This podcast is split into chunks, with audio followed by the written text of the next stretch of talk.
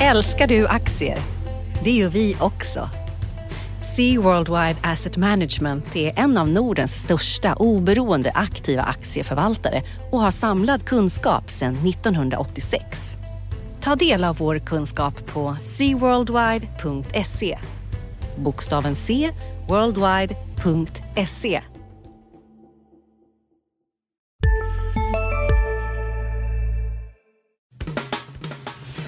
Analyspodden från Dagens Industri. Hej och välkomna till Analyspodden, Dagens Industris eh, podd med analysredaktionen. Jag heter Felicia Åkerman och är reporter och makroanalytiker på tidningen. Och med mig på telefon från Kalmar så har jag börsanalytikern Uffe Pettersson. Hej Uffe! Hallå Felicia! Hur är det med dig? Jo men det är okej okay efter omständigheterna. Börsen är upp idag. Det är alltid bra. Ja, det är alltid bra och den har varit uppe, ja den har faktiskt eh, kommit tillbaka lite. Det var ju ner, eh, ner här för någon vecka sedan efter lite svag statistik och, och Trump och sådär. Men, men nu har det piggnat till en del. Vi hade en uppgång här på en och en halv procent i veckan och så som det ser ut här på fredag förmiddagen så är vi väl upp en, en halv procent i varje fall. Så det, det ser ut att eh, mm, bli en hyfsad december. Ja, det svajade ju lite där i början. Det var väl Eh, nu, nu känns det som att man ofta förklarar saker med pessimism eller optimism i handelsförhandlingarna utan att nödvändigtvis kunna leda det i bevis. Men det var ju några så konkreta uttalanden från Trump där i början av veckan om att det kanske inte blir något handelsavtal här på ett tag, eh, kanske först framåt presidentvalet nästa år. Det mm, var ju inte marknaden så himla pigg på, för man har ju prisat in att det ska komma någon sorts delavtal här förhoppningsvis innan årsskiftet. Men eh, sen svängde det igen, som det brukar göra. Och så kom det plötsligt uttalanden om att ja, men det går framåt i förhandlingarna ändå. Det här känns okej. Okay. Och då steg ja. börsen igen. Liksom. Ja, det, det, är märkligt det där. Vad han, det, det, det borde finnas någon slags, eh, någon slags eh, tanke bakom de här eh, uttalandena. Som en, en, ena dagen så drar han ner förväntningarna, president Trump, och nästa dag så, så håsar, de han, eh, håsar de igen. Jag vet inte om det är några slags eh, väldigt eh, svår, svårtydda förhandlingsutspel som han gör som ingen mer än han kanske verkar begripa. Men så är det och det var, vi hade ju en sats, sättning där men vi hade också en sättning till följd av lite svaga ISM-siffror också som jag tror påverkade marknaden någon dag. Jag vet inte, det är ju din, det är din planhalva egentligen Felicia, eller hur, hur såg det ut där? Vi har fått både industrin och tjänstesektorn som vi brukar. Eh, och de var ju inte så bra. Jag är väl kanske mest oroad över tjänstesektorn. Industrin har ju liksom gått knackigt ett tag.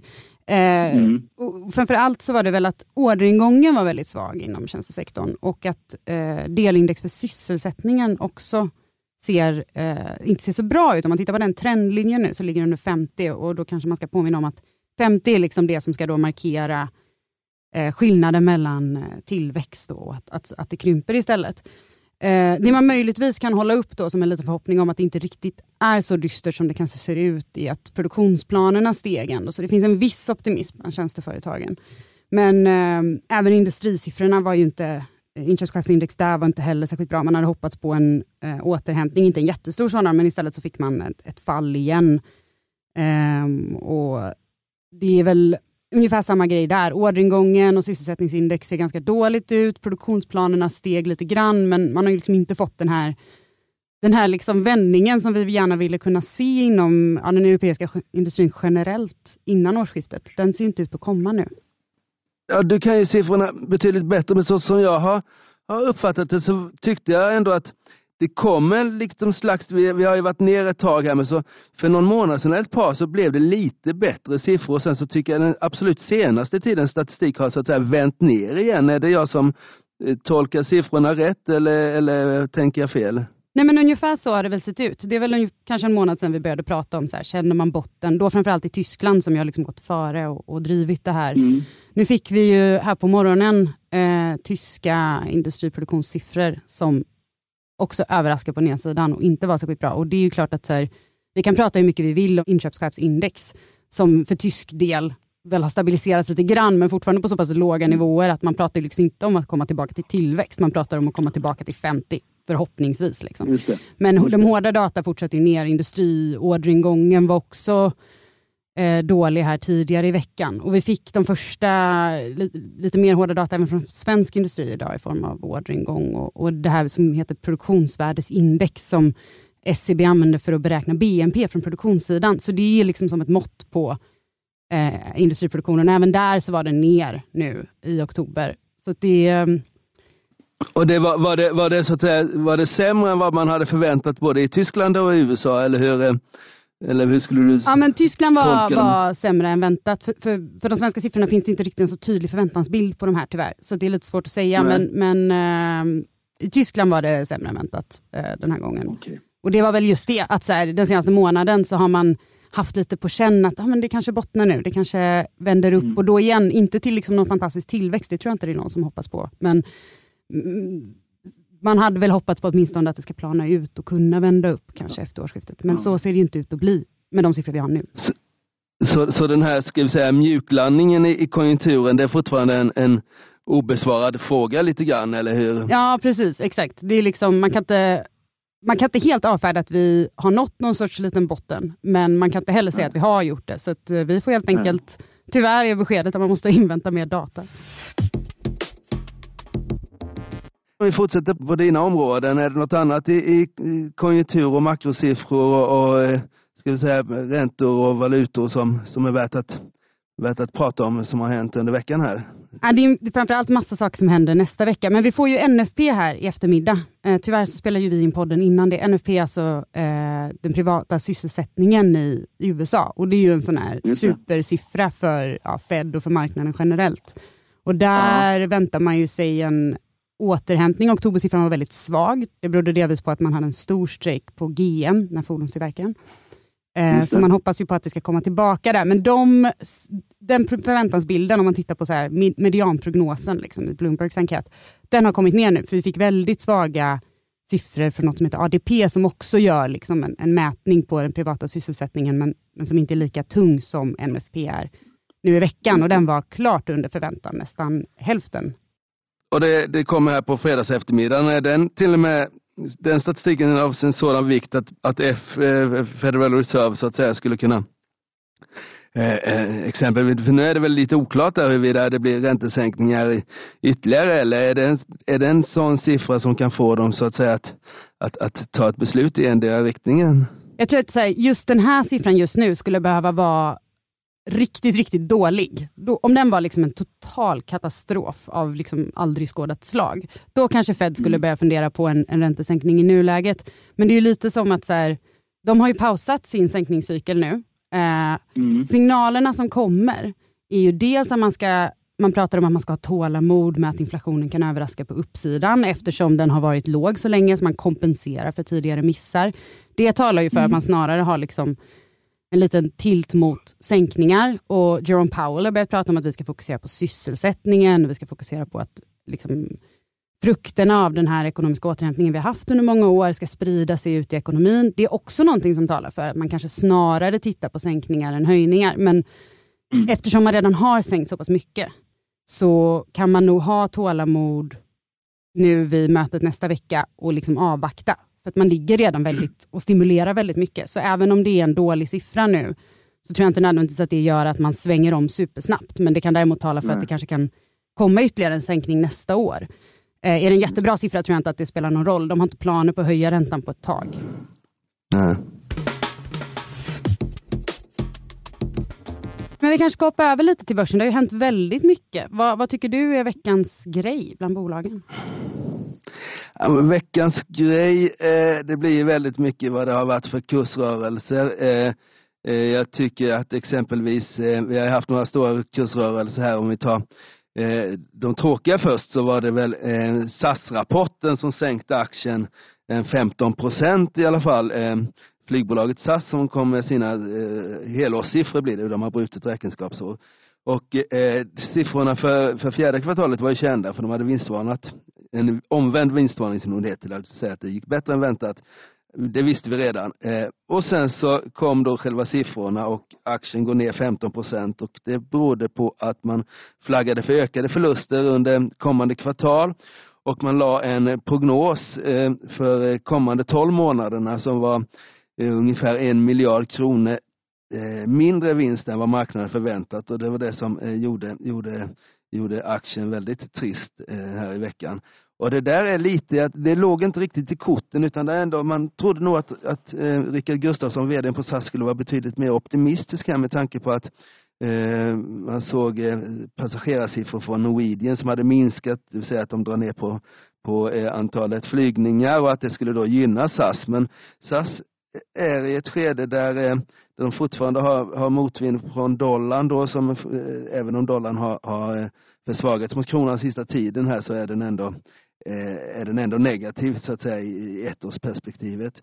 Eh, och sen så att, att deras nya flygplan som de håller på att sätta in eh, så att säga inte i full, full intrimning än och sådär och plus att man har har lite problem med de här IFRS-reglerna som nu kommer, kommer så att säga synas även hos SAS och det kommer sänka vinsten en del. Så det var en ganska pessimistisk SAS-vd. Jag vet inte om det var lite politik bakom det där också för det visade sig att de drog tillbaks en personalbonus här som de brukar ha.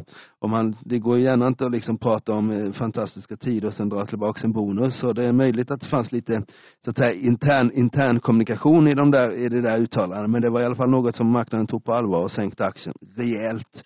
Ja, eh, tar, man något, tar man något annat som är positivt då så är det ju Clas Olssons rapport eh, som kom in klart mycket bättre än väntat och aktien var ju upp en, eh, jag tror den var upp nästan 20 procent som mest. Och de går i rätt riktning nu. Lotta Lyro som har varit vd här, vad är det, något år eller två i alla fall, två kanske det är.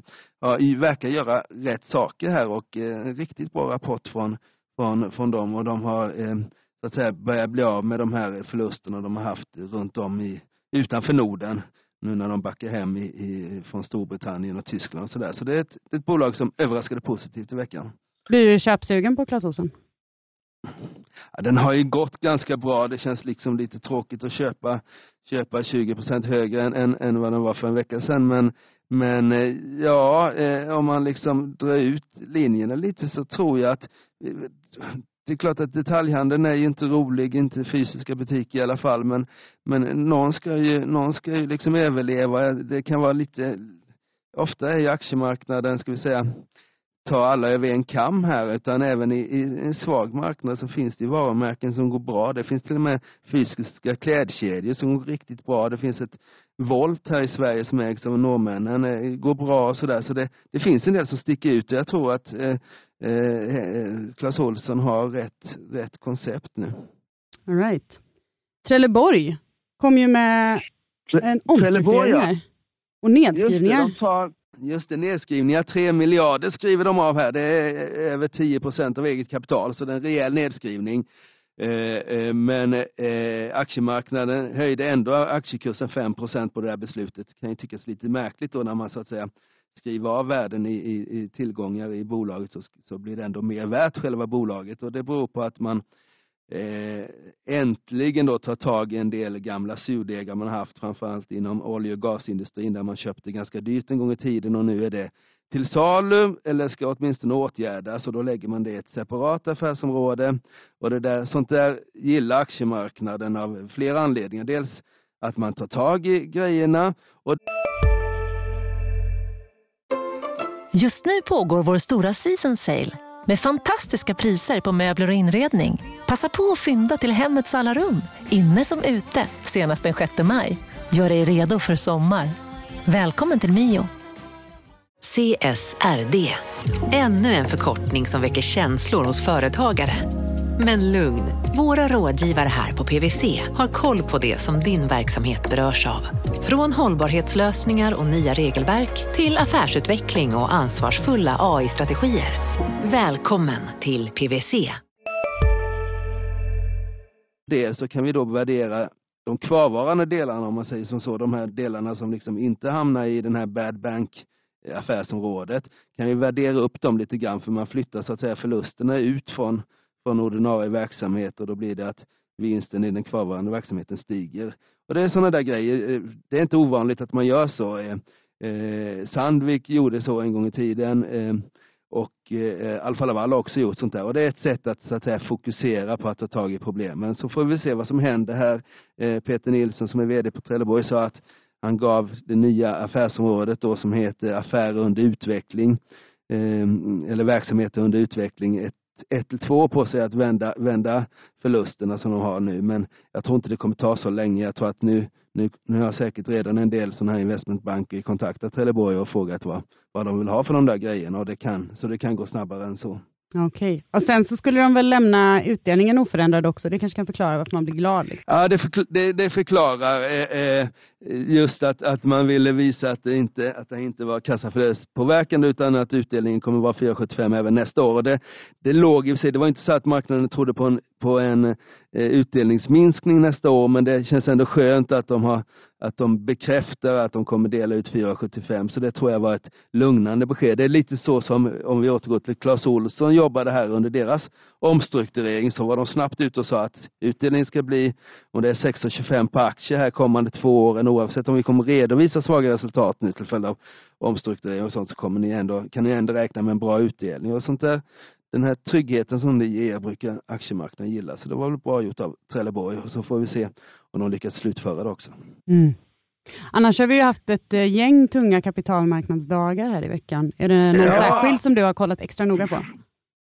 Ja, eh, det har varit ganska mycket. Alfa Laval eh, höll ju till nere i, i Skåne. Eh, Securitas kom med nya finansiella mål som tydliggjorde verksamheten en del. Eh, Axford eh, eh, skickade ut sina analytiker till det här laget som de håller på att bygga för 2,5 miljarder är det väl. Så det har varit mycket. Jag skulle säga att S, eh, ja, SSAB har vi också haft. Det är ingen som så att säga, ingen sån här 10 lyft eller sänkning av aktier men det som var mest nyheter kring var väl Securitas med sina finansiella mål.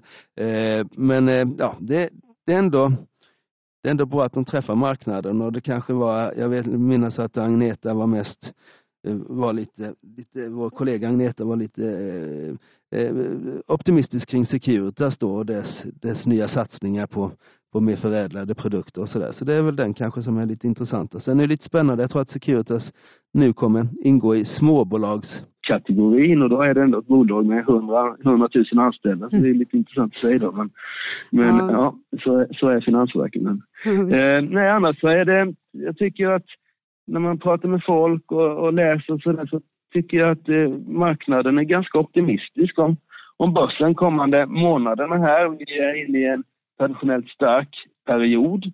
Vad som brukar gå som bäst från och med nu och några månader framåt egentligen. Och sen så tror jag att folk, eh, den här räntenedgången vi har haft, den börjar sätta sig i folks hjärnor på riktigt nu. Att man och då är man beredd att köpa börsen även om vi har haft ett bra börsår med en uppgång på 25 procent.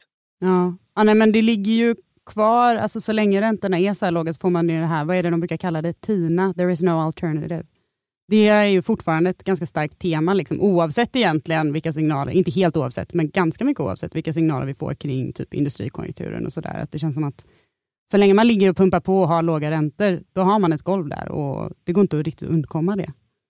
Nej, och så har vi, finns det ju mycket pengar ute. Jag menar att eh, alla centralbankers eh, balansräkning har ju verkligen exploderat eh, här och det är så att säga så vi har ju mer pengar i samhället att investera på något sätt och, det, och då kan man ju inte investera dem i, i nollräntor utan nollränteobligationer utan då blir det ju aktiemarknaden istället. Så det är väl, det är väl liksom den här TINA som fortfarande fortfarande eh, gör att, att folk är pos positiva trots uppgången.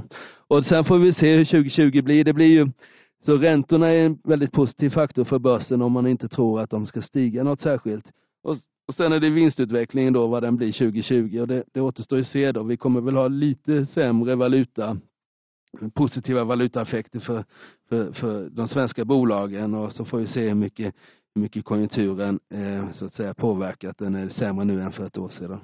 Ja, alltså man kan ju också passa på att notera, Riksbanken gör ju en företagsundersökning med jämna mellanrum. Det kommer en ny sån idag och där kunde man ju titta på just vad industribolagen svarade och de tror ju på att det kanske blir ganska dämpat nästa år och att det inte kommer någon riktig återhämtning från 2021. Så det skulle ju tala för liksom ett lite lägre tempo. Men alltså, för inte så länge sedan så kändes det som att det fortfarande var ganska många investerare som satt kvar på sidlinjen och inte riktigt vågade köpa in sig. Att det fortfarande fanns en del liksom, kapital mm. utanför börsen som var rädda för de här toppnivåerna. Har du någon känsla för ifall de har kommit in nu? Liksom, ifall det har skett någon sorts sentimentsskifte kring det där?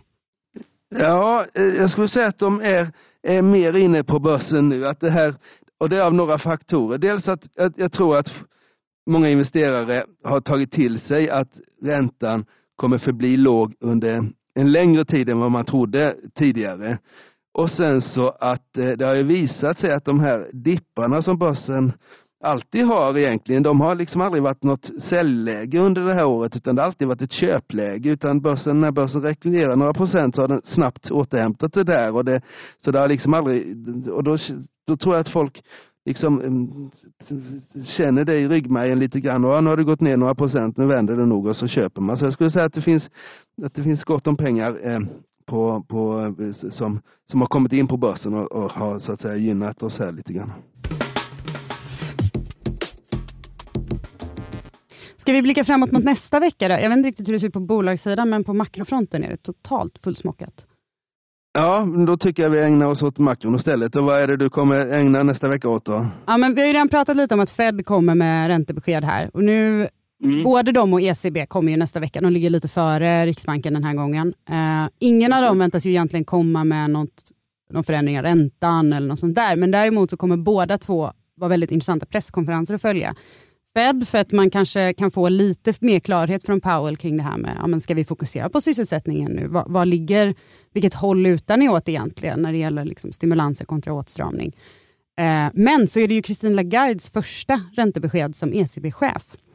Eh, det. det. är intressant bara som sådant, liksom, att få en känsla för hur kommunicerar hon kring eh, penningpolitiken. Hon har ju visat prov på att verkligen kunna kommunicera svåra saker på ett begripligt sätt som IMF-chef. Men nu sitter hon och ska rodda eh, ECB-direktionen som är inne i liksom en, väldigt, en, en ganska jobbig fas där de är väldigt oense och har väldigt öppna bråk. Eh, och Det kommer bli en utmaning för henne att liksom kunna företräda en så splittrad centralbank som ECB är just nu. Eh, så det ska bli intressant att se hur hon pratar om det. Och sen kanske hon... Eh, var hon inte ute i veckan här och, och skapade någon slags liten börsned ja, lite press på kurserna här vill jag minnas, eller är det jag som jo. har att hon... Nej men precis, mm. hon, hon lät eh, lite negativ kring konjunkturen där och det, var ju inte, det blev man ju inte glad över att höra från någon i hennes Nej. position. Hon har varit ganska aktiv sedan hon tillträdde i liksom sina uttalanden. Dels för att de, har, de är på G med den här översynen och hon vill ha in klimatfrågor i det. Så det har hon pratat mycket om. Hon har också pratat mycket om, ganska öppet om de här bråken i ECB och att man måste kunna tolerera att folk har olika åsikter inom centralbanken och sådär. Men sen har hon också låtit ganska negativt i konjunkturen och det är ju förståeligt. Det ser ju inte jätteljust ut. Liksom. Och samt, samtidigt hon sa att, det liksom, att, att penningpolitiken inte riktigt kan hjälpa det här utan att finanspolitiken måste dra sitt last till stråt. Var det inte det hon sa lite grann? Jo, precis. Det har ju ECB bett om i liksom flera års tid, att nu måste mm. ni liksom börja spendera lite pengar. Sen finns det i och för sig, det har, det har dykt upp lite av en diskussion kring det där. Ja, men hur mycket kan finanspolitiken egentligen göra? Där kan jag tipsa om eh, vår andra podd, Makrorådet. Eh, det senaste avsnittet där så är det Andreas Wallström från Swedbank och vår gamla kollega Johanna Jansson som är med. De pratar lite om det. Så det kan man lyssna mm. på om man vill höra lite mer resonemang kring ja, men hur mycket finns egentligen att hämta där? Hur stor effekt kan det ha? Liksom? Så det ska bli väldigt mm. intressant att titta på. Och sen, jag hatar att behöva ta upp det, men Brexit, det är val i Storbritannien. Eh, och det ja, kommer verkligen så här, staka ut banan eh, de kommande månaderna, kanske de kommande åren till och med. Just nu ser det ut som att Tories, eh, regeringspartiet som sitter nu, det konservativa partiet, kommer få en majoritet igen. Eh, det är lite mm. svårt att veta. De har ett lite komplicerat valsystem. Så det är svårare att, att bena ut exakt hur det kommer landa. Men, men eh, ska man lägga pengar och, och på någonting? Så, och framförallt så missade, jag vet inte om de har rättat till det, men de missade faktiskt eh, själva Brexit-valet här. Det, var, det, det har ju gått några år nu, men där, där missade ju opinionsinstituten eh, helt, helt egentligen. Och, eller, och även Skottland eh, var Ja, ja, man har lite dålig historik kan vi ju säga. Ja. Och då är det dessutom ja. vanliga folkomröstningar som borde vara lite lättare att hantera än de här mm. komplicerade du måste kolla på varje valkrets och sådär. Eh, så jag, jag, skulle inte börja fira på förhand. Det känns lite som att Boris Johnson, premiärministern, kanske har gjort det nu. Men mm. sätter man pengar på någonting så är det väl att han ska vinna. Eh, och då mm. blir det med största sannolikhet hans utträdesavtal som kom här under hösten som gäller. Och då ska man ju, tyvärr måste jag ju då meddela att här, Brexit är liksom inte slut bara för det. För då ska man gå in i den här övergångsperioden där man fortfarande i princip följer EUs regler och ska förhandla om ett frihandelsavtal. Nu vill britterna vara klara med det till nästa årsskifte. Det vågar jag säga med typ 100% säkerhet att de inte kommer vara. Då kommer man förlänga det. Så vi tittar fortfarande på liksom åratal av förhandlingar om Brexit framför oss. Men vi kanske åtminstone kan stänga det första kapitlet här i början av året. Om de nu vinner valet. Det får vi se. Ja. Så det låter som du har att göra nästa vecka Felicia. Från min front så är det väl inte sådär jättemycket men å andra sidan så är det bara ett par veckor kvar till, tre veckor kvar till nyår här och just december brukar vara en ganska aktiv månad för att closa olika företagsaffärer och sånt där. Eh, eh, så vi får väl se om det kan dyka upp någon. Vi hade ju ett par bud här för ett par veckor sedan på Swedol och, och lite annat. Det är möjligt att det kan göras något sånt där eller någon större affär eh, innan nyår. Det brukar alltid dyka upp något, något spännande. Det var extra spännande men det är väl två år sedan när, när Gardell sålde sina Volvo-aktier till, till Geely här. Det kom precis sådär under, under, precis innan jul vill jag minnas. Så det, det kan man väl också hålla ögonen öppna på tror jag. Ja. Ja, men det kanske är dags att ta helg där då? Ja, det tycker jag. Du, du har redan gjort reklam för Makrorådet, men det kanske finns andra poddar som vi har också borde, borde lansera. Ja, en som jag faktiskt har sparat till att lyssna på själv nu i helgen är Smarta pengar, den här podden om privatekonomi med Hans Bolander och Jenny Pettersson. De jag har gjort ett avsnitt om pensionssparande och jag har börjat inse att eh, det där kanske är dags att tänka på snart, så jag ska lyssna på det och ja. lägga upp en plan. Eh, och annars så har vi ju Digitalpodden från vår digitalredaktion. Och så har vi. Förnuft och känsla som är den här ledarskapspodden som Caroline Åkerlund gör. Och sen så har vi också Morgonkoll varje morgon och eh, Ekonomistudion som kommer som podd också förutom att komma som tv-program. Jag vet inte om jag glömmer någon nu. Nej, men det, det är fullt upp och sen eh, lite lussebak och, och eh, glögg på det så, så är helgen, är helgen är fullbokad. Ja men då så, då får man önska trevlig helg då. Ja, detsamma. Ha det bra och ha det bra ni lyssnare och eh, ha en skön helg. Tack så mycket. Analyspodden från Dagens Industri. Programmet redigerades av Umami Produktion. Ansvarig utgivare Peter Fellman.